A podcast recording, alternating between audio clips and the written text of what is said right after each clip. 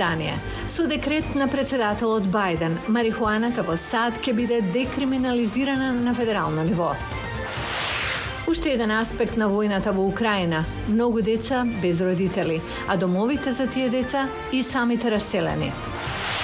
Роден ден значаен за САД да го одбележат Джими Картер, најдолговечниот поранешен председател. Останете со нас.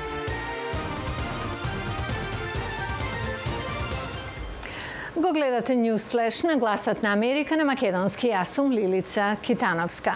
Додека САД продолжуваат да поддржуваат Украина во војната со Русија, председателот Бајден вели дека Путин не се шегува кога зборува за употреба на нуклеарно, биолошко или хемиско оружје.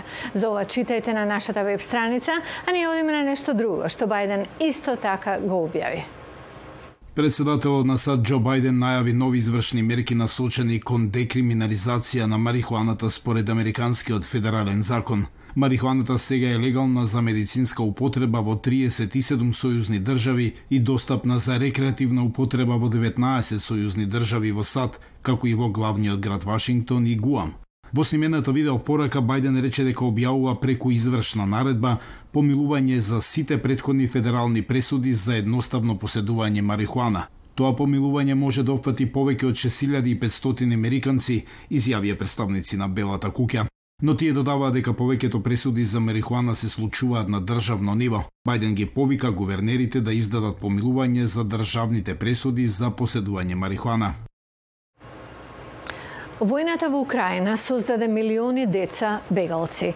Многу од нив се во системот на домови за деца без родители, кои исто така се раселени. Група американски научници и инженери се обидуваат да помогнат. Погледнете како. Наверное, просто свет, ну, не будет света никакого. Да, и именно так, очень правильно. И вот мы это сейчас и сделаем. Ого! Ова е онлайн настава за деца без родители кои се раселени поради војната на Русија против Украина. Многу прифатилишта во Украина беа принудени да затворат или да се преселат поради војната, што дополнително ги измести работите за овие деца и за персоналот што се грижи за нив. Група американски научници се обединија за да помогнат со проект наречен Earthlings Hub. Волонтерите им нудат на децата онлайн часови за да се обезбеди одредена структура и рутина, додека го потекнуваат нивниот интерес и имагинација – Астрофизичарката и поранешна инструкторка по астронаутика Јулија Бродски го започна проектот. Когда началась война, Ну, естествено, несколько... Кога започна војната, сите беа во шок првите неколку недели. Гледајќи низ што поминуваат децата и родителите, свативме колку им е важно да почувствуваат некаква нормалност. Бродски незините колеги јавно обелоденија дека има потреба од наставници кои би можеле да ги ангажираат децата без родители со часови по природни науки и при тоа да му овозможат на персоналот во сиропиталиштето многу потребен одмор. Наставникот Александар Кауров се пријави да помогне. Я преподавал, допустим, курс, который назывался «О повторении научных открытий». Предавав час каде што се преправавме дека патуваме низ времето и се обидувавме да дојдеме до научни откритија со материјали што ни беа достапни. Тоа не е традиционален училишен час, но можете да спакувате многу интересни работи. Заедно со четворица нејзини колеги и 106 деца во нивна грижа, наставничката Ирина Шрамко побегнала од Украина во Полска. Штрамко вели дека онлайн часовите биле огромна помош. Ми знаходимося весь час коло дітей, навіть тоді, коли приводимо їх на заняття з Со децата сме цело време. Одговорни сме за нивните животи и добросостојба, дури и кога имаат онлайн часови со професори од САД. Но можеме да земеме здив, тоа е големо олеснување. Можемо посидіти десь тихенько в тиші, трошки відволіктися. Ну це набагато легше. Наставници од други држави се приклучуваат на тимот од Велика Британија, Германија, Австралија. И наставниците имаат корист од проектот, според Халина Фудрига, директорка на училиште во украинскиот град Червечи. Це інший підхід ніж у нашій школі до викладення математики. Ова е поинаков пристап кон предавањето математика од оној што го практикуваме во нашето училиште. Интересно е за сите, вклучувајќи ги и нашите наставници. Сигурна сум дека ќе позајмат некои од идеите.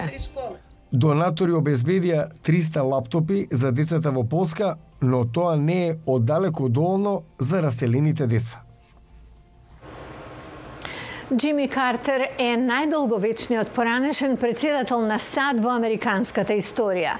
На 1 октомври го прослави својот 98 роден ден и се уште е ангажиран во неговиот глобален непрофитен центар Картер за промовирање мир и здравје низ целиот свет. За него и неговиот придонес за човештвото во продолжение.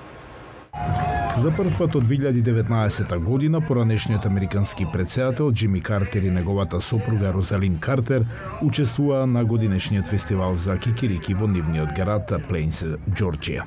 Тоа се случи една недела пред Джими Картер да го прослави својот 98 роден ден на 1 октомври.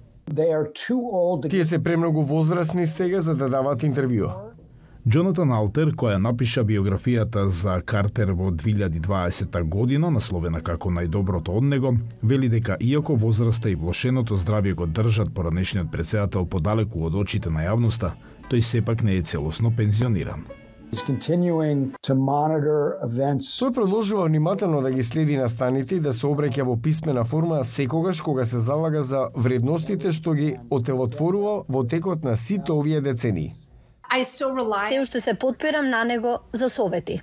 Пејч Александер е извршна директорка на Центарот Картер, со седиште во Атланта, Џорџија.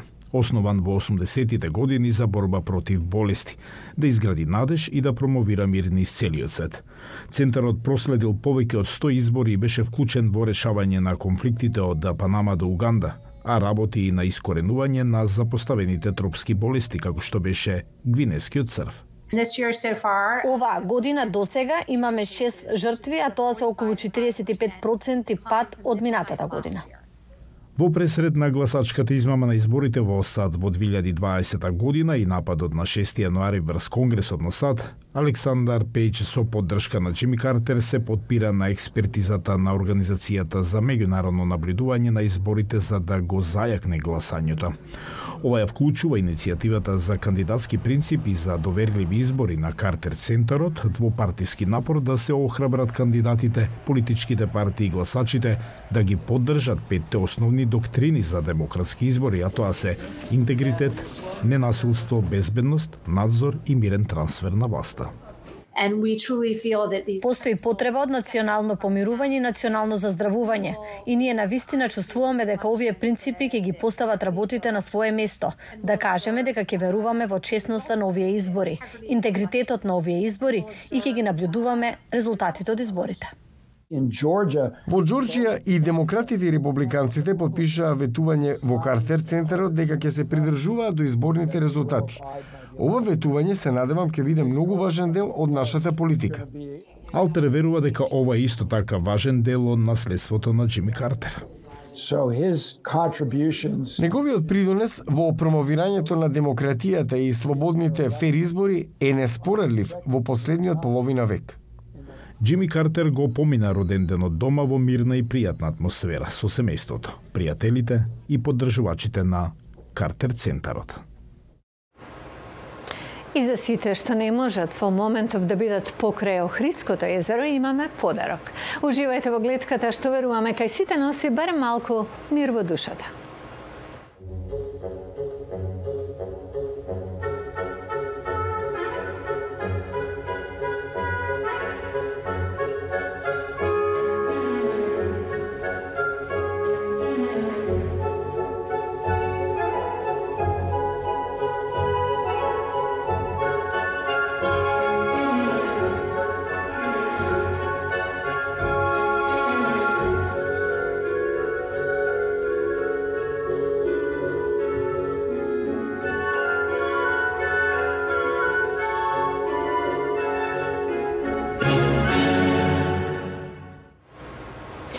И тоа е се за неделава. Го гледавте Ньюс на гласот на Америка од Вашингтон. Ви посакувам пријатен викенд.